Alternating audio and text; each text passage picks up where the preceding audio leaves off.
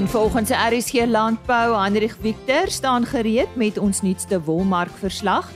Dan praat ons oor knopvel siekte wat onder vee voorkom. Dit kan nie genees word nie, maar wel beheer word.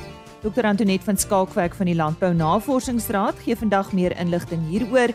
En dan gesels ons ook met Puna van Niekerk van Ede Farming daar in die Middelburg omgewing. Hy is 'n melkkudde bestuurder en hy praat oor die waarde van SA Stamboek se dienste.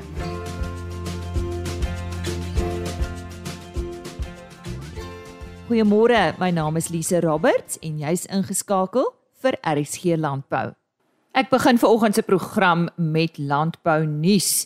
Die Wes-Kaapse Provinsiale Veeartsenykundige Laboratorium gaan opknappings van 23 miljoen rand ondergaan. Dr. Ivan Meyer, Wes-Kaapse minister van Landbou, meen sodra al die opknappingswerk voltooi is, sal hierdie laboratorium die vermoë hê om 'n verbeterde diens te kan lewer. Die laboratorium verskaf veekundige diagnostiese en openbare gesondheidstoetsing en hulle kliënte is in al die provinsies gebaseer. Ongeveer 60% van die monsters wat ontvang word, is van buite die Wes-Kaap. Toetsaktiwiteite fokus op diagnostisering en monitering van siektes. Hy sê hul hoof fokus is gekontroleerde en aanmeldbare siektes soos gelys in die Wet op Diere Siektes 1984, Wet 35 van 1984. Die nasionale vereistes vir alle laboratoriums wat toetse uitvoer vir gekontroleerde en aanmeldbare siektes is 'n ISO 170 25 akkreditasie. Die verbeterings behoort teen November 2023 voltooi te wees en die projek sal in 3 fases plaasvind. Goeie nuus vir ons diere siektebedryf in Suid-Afrika. Ons sluit vanoggend eerste aan by Isak Hofmeyer. Hy is die redakteur van die Stokfarm tydskrif. Dag sê hier van Stokfarm se kant af. Die Februarie uitgawe is waaroor ons vandag praat. Die eerste artikel wat my opgeval het, gaan oor 'n onaangename onderwerp, naamlik belasting. Ja, belasting kan mens maklik moedeloos maak, maar daar is verskillende belastingstrategieë wat 'n beduidende verligting kan bring. Lees waaroor dit gaan in 'n artikel met die titel Laat jou belasting vir jou werk. Dan kyk ons na 'n wolstandaarde volhoubaarheidsstandaarde in die tekstielbedryf en baie spesifiek die diereveselbedryf is hier om te bly volgens Dion Simon die uitvoerende hoof van Cape Wools. Daar is spesifiek twee standaarde wat in die Suid-Afrikaanse wolbedryf ter sprake is. Die een is die Responsible Wool Standard of die RWS. Die ander een die Sustainable Cape Wool Standard of die SCWS. 'n Artikel wat wolstandaarde onder die loep neem word hierdie twee standaarde bekyk en die verskille en doelwitte bespreek. Dis inligting wat vir elke wolprodusent in die land belangrik is. Ons het al 'n hele paar keer in die verlede verwys na die Veeplaas Klimaatslim Ambassadeur van die jaar kompetisie. Nou Willie Storm van Olifantshoek was verlede jaar 'n finalis. Ons het by hom gaan kuier om te sien hoe hy sy boerdery en spesifiek sy veldbestuur benader. Daar's verseker baie te leer by hierdie indrukwekkende boer. Hier in die laat 1980s en vroeg 1990s het die departement van landbou 'n projek geloods wat daarop gemik was om spesifieke kewers wat natuurlike vyande van die prosopusboom is in te voer en veral daar in die Noord-Kaap in prosopusbosse los te laat waar dit 'n geweldige indringingsprobleem geskep het. Ironies genoeg is die prosopus wat inheems is aan die Amerikas hier in die 1860s ingevoer as 'n voerende skadubron in die warm ariede gebiede van die land. Die boom het so goed hier aangepas dat dit 'n geweldige indringingsprobleem begin skep het. Die kewerprojek het matige sukses gehad, maar die probleem is nog lank nie opgelos nie. So ons kyk in 'n artikel met die titel Prosopus vriend of vyand na strategieë om die plant te beheer, maar ook na maniere waarop dit ekonomies gebruik kan word. Ja, Die landbou is maar net nie eenvoudig nie. Dan is daar die derde aflewering in ons reeks oor biosekuriteit. In hierdie uitgawe kyk Dr. Johan van Rooyen van die Steensrus Dierehospitaal spesifiek na hoe voertuie, mense en ingekoopte voer 'n risiko kan wees en hoe hierdie risiko bestuur moet word. Weereens noodsaaklike leesstof vir alle boere. Dis 'n paar van die artikels in die Februarie uitgawe van Stokfarm wat ek spesifiek wou uitlig. Natuurlik is daar nog baie ander, baie swaar gewig leesstof. Soos die kwessie van om in tandem met die klimaat te boer. 'n Weidingsstrategie vir die nat suurveldgedeeltes van die land, die noodsaaklikheid van 'n goeie waterkwaliteit by braaikuikenproduksie, moets en moenies van kruipvoer vir lammers en nog baie ander. Alles in Stokfarm nou op die rakke. Groetnis tot volgende maand. Isak Hofmeyer, hy is die redakteur van die Stokfarm. Vir ons nuutste wolmarkverslag, Heinrich Victor van OVK. Ja, hartlike goeiemôre aan almal weer eens hier uit die OVK wolkantoor.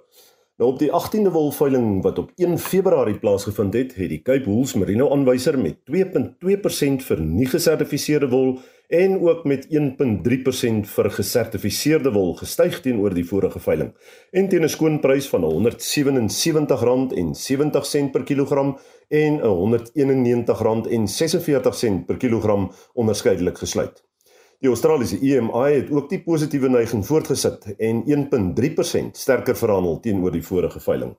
Nou die mark het sy opwaartse neiging voortgesit te midde van 'n effense swakker rand teenoor die vernaamste geldeenhede as ook goeie vraag en gesonde kompetisie onder kopers. Nou daar is in totaal 13786 bale aangebied wat 'n betreklike groot veiling was soos ons kan sien, na onttrekking van 2632 bale en daarvan is 96% verkoop. Nou die aanbieding het hierdie keer bestaan uit 50.6% van die merino wol wat volhoubaar gesertifiseer was, wat weer eens 'n verhoging was teenoor die vorige veiling. En 'n groot persentasie van die aanbieding het bestaan uit fynere mikron, goeie langlengtes wol. Modiano het op hierdie veiling die grootste hoeveelheid bale gekoop, gevolg deur Standard Wool SA, BKB Pinnacle Fibers en Tianyu SA. Die gemiddelde skoonwolpryse vir die seleksie binne die verskillende mikron kategorieë goeie lang kamwol of MF5 tipe soos wat ons altyd noem, was soos volg. En soos gewoonlik onderskei ons weer eens tussen gesertifiseerde en nie gesertifiseerde wol. Kom ons begin hierdie keer by 17.5 mikron. Nie gesertifiseer R244.22 per kilogram, gesertifiseer R274.46 per kilogram met 'n pryspremie van 12.4%. 18 mikron, nie gesertifiseer R234.39 per kilogram, gesertifiseer R255.90 per kilogram met 'n premie daarvan 9.2%. Dan 18.5 mikron nie gesertifiseer R223.88 per kilogram gesertifiseer R237.76 per kilogram met 'n premie daarvan 6.2%. Dan kyk ons na 19 mikron nie gesertifiseer R205.69 per kilogram gesertifiseer R221.04 per kilogram met 'n premie daarvan 7.5% en laastens 19.5 mikron nie gesertifiseerde wol het verkoop vir R192.29 per kilogram terwyl gesertifiseerde wol se prys R208.26 was met 'n premie daarvan 8.3%. Nou ja, dit is waarvoor ons tyd het hierdie week uit die wolkantoor. Die volgende veiling is geskeduleer vir 8 Februarie en dan gesels ons weer. Tot 'n volgende keer, mooi loop. En soos hy Hendrik Victor van OVK en soos hy gesê het, gesels hy volgende week weer met ons. As jy nou eers ingeskakel het, goeiemôre. Jy luister na RSG Landbou. Baie welkom. Ek gesels vandag met Dr Antoinette van Skalkwyk van die Landbou Navorsingsraad en uh, ons fokus vandag op knopvel siekte. Antoinette, ja, eerstens presies, wat is knopvel siekte? Goeiedag, baie dankie dat ons hier kan wees. Um, ja, knopvel siekte is 'n um 'n siekte wat beeste, meestal beeste, maar dit kan ook in springbokke of in gemsbokke voorkom. Um aantas dit is 'n baie ekonomiese belangrike siekte veral vir die boer omdat ehm um, die gevolge daarvan beteken dat die bees verloor kondisie. Daar is 'n geweldige ehm um, vermindering in melkproduksie wat ook kan lei na mastitis toe. Ehm um, die bees sowel as die koei kan ehm um, steriel raak. Dit kan ook lei na ehm um, abortus van die fetus in in die in 'n ehm um, dragtige koei en in baie gevalle kan dit lei na sterftes van die van die dier. Ehm um, Die siekte is al in Suid-Afrika sedert 1944. Ehm um, dit is 'n poxvirus wat ehm um, basies dieselfde is as as apokke en smallpox wat ons almal van, van ken. Die nader verwante siektes aan hulle is ehm um, skaappokke en goatpox wat ons glad nie in hierdie land het nie. Um die virus word versprei deur um of buitende insekte, um, meganies wanneer die insek van eet van 'n siek dier voer en dan dadelik oorgaan na 'n ander um gesonde dier toe. Maar dit kan ook indirek of direk ge um oorgedra word tussen die beeste. En dit is omdat die beeste baie um saliva produseer sowel as um trane wat geproduseer word wat wat die virus in het. Die virus kan bly in die spoeg en die trane en die bloed sowel as in semen vir op tot 30 dae. Maar dit is in die ehm um, in die pokke self in die not in die nodules of in die lumps, die knoppe wat wat voorkom tot en met 40 dae. Nou hierdie knoppe kan voortbly tot en met ehm um, vir maande lank. Wat is die kliniese tekens en wat stel julle voor doen 'n boer as hulle vermoed daar is uh, knopvel siekte? So die die simptome begin gewoonlik met 'n met 'n koors. Um en dit is gewoonlik so dat 39 of 40 grade Celsius. Um en dit kan vir weke aanhou of vir 'n week aanhou. Um dan is daar ook 'n uh, geweldige spoeg en um trane wat voorkom. Um die limfkliere word geswel. Um maar die klassieke klassieke tekens is die knoppe of die pokke wat voorkom reg oor die liggaam. So die hierdie kan baie verskil van dier tot dier. Dit kan wees 'n paar van hulle of dit kan die hele liggaam oortrek. Um honderde van hulle wees. Hulle is oppervlakkig of hulle kan diep wees en wanneer hulle diep is, raak hulle tot selfs aan die spiere. Wat maak dat die dier nie um baie pyn het en maak dat hy nie loop of eet of um drink nie. Wat lei na die verlies van van liggaamskondisie. Um daar's ook 'n vermindering in melkproduksie. Um van die koei van van die bokke kom op die um eier voor en op die spene wat maak dat die koei nie wil goed uh, gemelk word nie. Wat kan 'n boer doen? Um daar's ongelukkig geen behandeling daarteen nie. Um die meeste van die kere behandel hulle die simptome eerder as die siekte self. So dit gaan wees um anti-inflammatoriese middels om die pyn te beheer, om te maak dat die dier weer kan eet en drink. Um dit kan ook wees um antimikrobiese um middels, so anti antibiotics. En hierdie is nie om die virus te beheer nie, maar dit is om te maak dat daar nie sekondêre bakteriese infeksies in die knoppe is nie. Die siekte is um notifiable, so ons moet dit um aan die aanmeld aan die um die wêreldsentrum vir diere siektes, ja. Um so wat wat ons al voorstel is wanneer 'n boer vermoed daar is um simptome, um en as jy seker nie kontak asseblief jou naaste veearts, staatsveearts of um diere gesondheidstegnikus. Um hulle sal dan uitkom en kom um monsters neem. Die monsters word ingestuur na ons pootwet en um Fjordsenai Instituut waar ons dan um kliniese bevestiging sal doen van die siekte. Ons sal dit dan ook rapporteer in die departement van um landbou waar dit sal rapporteer dan aan die wêreldorganisasie vir diere siektes. Antonet, watter voorsorgmaatreëls kan 'n boer in plek hê om dit dalk um te beheer en dalk te verhoed dat dit wel voorkom. Sien dit waar nie 'n uh, um 'n uh, behandeling daarteen is nie, het ons 'n uh, voorsorg. Die voorsorg is 'n uh, enstof. Um sedert 1960 het ons 'n uh, lewendige uh, verminderde virulente virus um wat gebruik word die um enstof word kommersieel deur drie verskillende um agente geproduseer in Suid-Afrika so dit behoort beskikbaar te wees. Ons stel voor dat mense um net gesonde diere inent en verkieslik voor die begin van die um van die probleem plaasvind. So dit is basies voor die um nat seisoen, voor die nat warm seisoene in Suid-Afrika, um wanneer dit ook al in jou provinsie is. Um die instof um, kan toegedien word aan uh, kalvers van 6 maande af um, en sowel as dragtige koeie. Dit is weer eens belangrik om um beheer toe te pas. So moenie siek diere skuif nie, moenie siek diere in jou herd in jou kudde toe um inbring nie. Um vir my mense wat dalk in kontak was met siek diere naby jou diere, um en voorkom dalk die insekte. So in plaas van om enige goed toe te dien, sal dit um altyd net um in die moeite werd wees om te hou by 'n gereelde um dip skedule um wat ook sal help teen um bosluis oordraagbare siektes. Nou jy is van die Landbou Navorsingsraad, so jy is seker by navorsing betrokke. Vertel ons daarvan. So die Landbounavorsingsraad se ondersteuning aan um, Veeartseny Instituut is een van die wêreldorganisasie vir diere gesondheid se um hooflaboratoriums in in Afrika. Um ons doen daarvoor al die diagnostiek, ons help ook met um met opleiding um en raadgewing vir ander vir ander lande of ander laboratoriums. Um Ons het 'n groot rol gespeel in die afgelope ehm um, uitbrake wat in Europa en Asië was. Ehm um, sien dit dit 'n absolute nuwe siekte vir hulle was daarso. Hmm. Die Landbounavorsingsraad ehm um, of ons ek is deel van die program ehm um, diagnostiek en ehm um, enstofontwikkeling.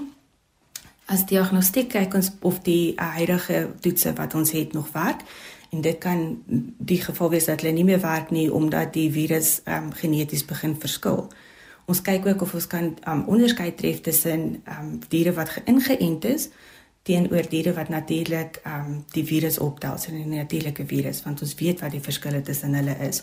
Ons is tans besig met 'n projek van die Gautengse Departement van Landbou waar ons kyk om 'n toets te ontwikkel presies om te onderskei tussen geënte diere en natuurlik geïnfekteerde diere.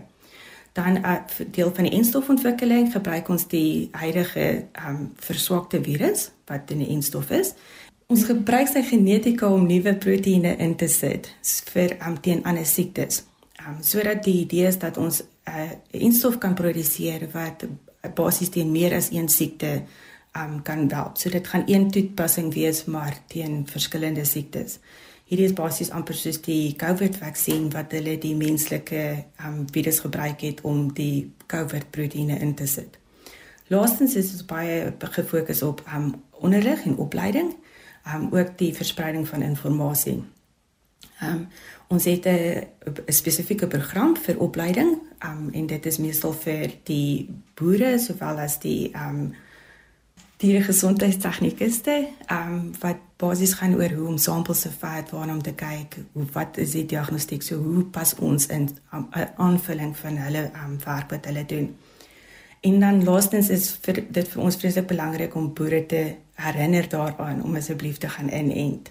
Van daar is die instof beskikbaar en ons weet hy werk. Ja, dis dan meer oor knopvel siekte wat uh, al vir baie lank in Suid-Afrika voorkom. Ons het gesels met uh, Dr. Antoinette van Skalkwyk van die Landbou Navorsingsraad en ook hoe hulle hierby betrokke is veral ook ten opsigte van navorsing. Ja.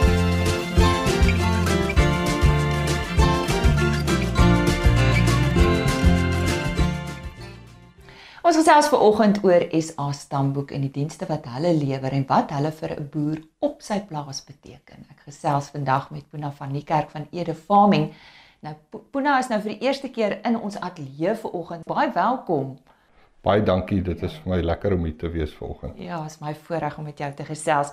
Kom ons gesels oor SA Stamboek. Wat volgens jou is die kwaliteit van SA Stamboek se dienste in 'n wêreldperspektief? Ek dink Stamboek het 'n redelike groot staanplek in in die wêreld ten opsigte van diere aantekening. Hulle is 'n hulle is geregistreer by ICAR wat die internasionale komitee is vir diere aantekening.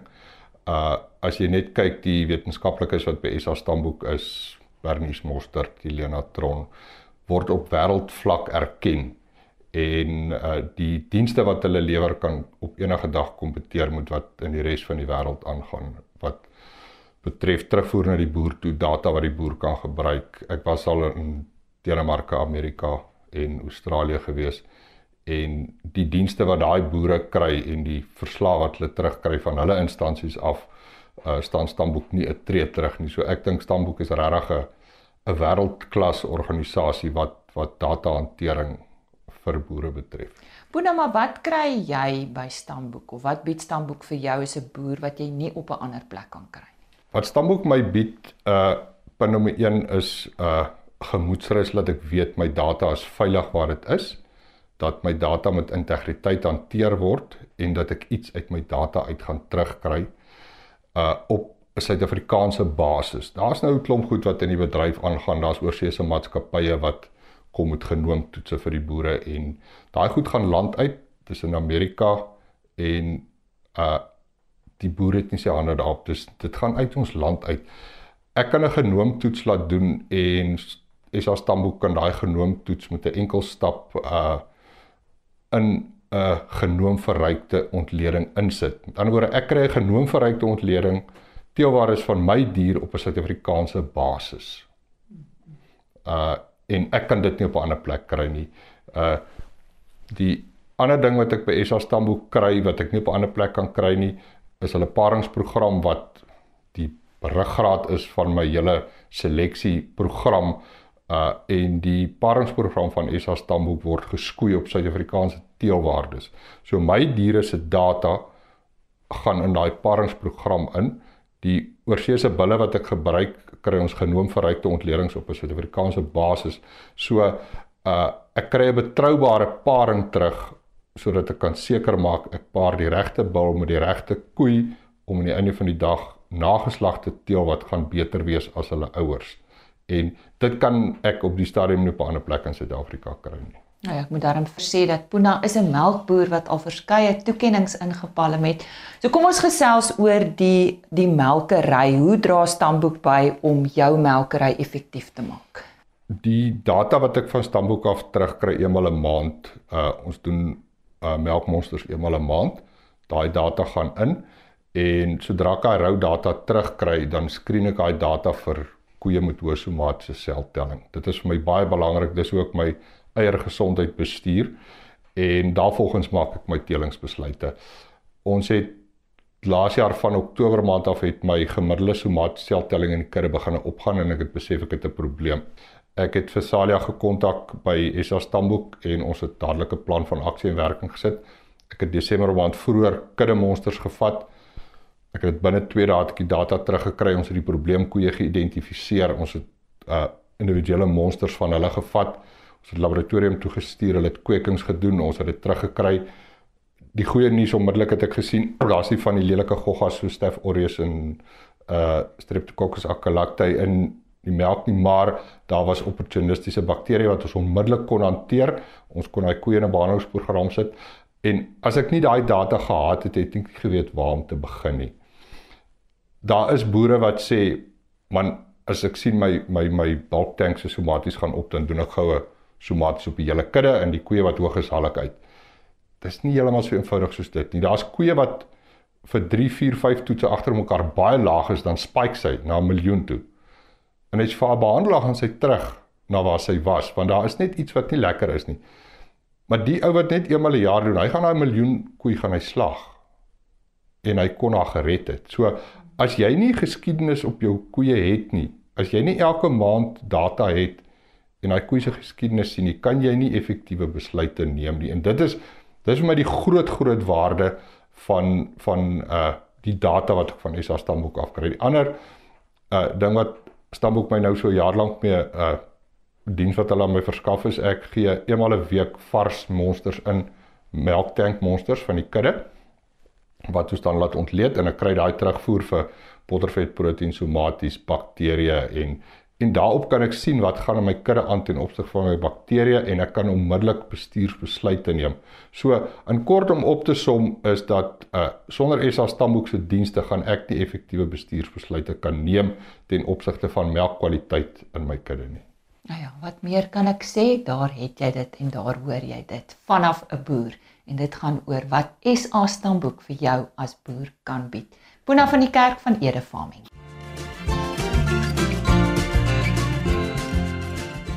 Dis dan uh, vir oggend se program. Sluit gerus môreoggend weer by ons aan. Baie opgewonde oor 'n paar onderhoude.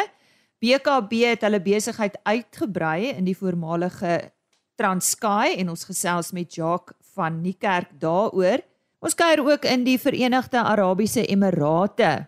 'n Suid-Afrikaanse maatskappy is tans besig om 14 miljoen rand se Suid-Afrikaanse landboumasjinerie op te stel om boere en die regering te help om strategiese voedselsekerheid te bewerkstellig. En dan vertel Wessel Lemmer van Agbus Grain ons van 'n besoek van 'n Franse koöperasie wat kom kyk het hoe graanberging in Suid-Afrika gedoen word. Baie om na uit te sien môreoggend in RC Landbou, selfde tyd om 5uur. Ek sluit af met 'n e-posadres as daar enige inligting is wat ek vir jou kan aanstuur of jy wil dalk met my gesels, rsglandbou@plaasmedia.co.za. Totsiens. RSG Landbou is 'n plaasmedia produksie met regisseur en aanbieder Lize Roberts en tegniese ondersteuning deur Jolandi Rooi.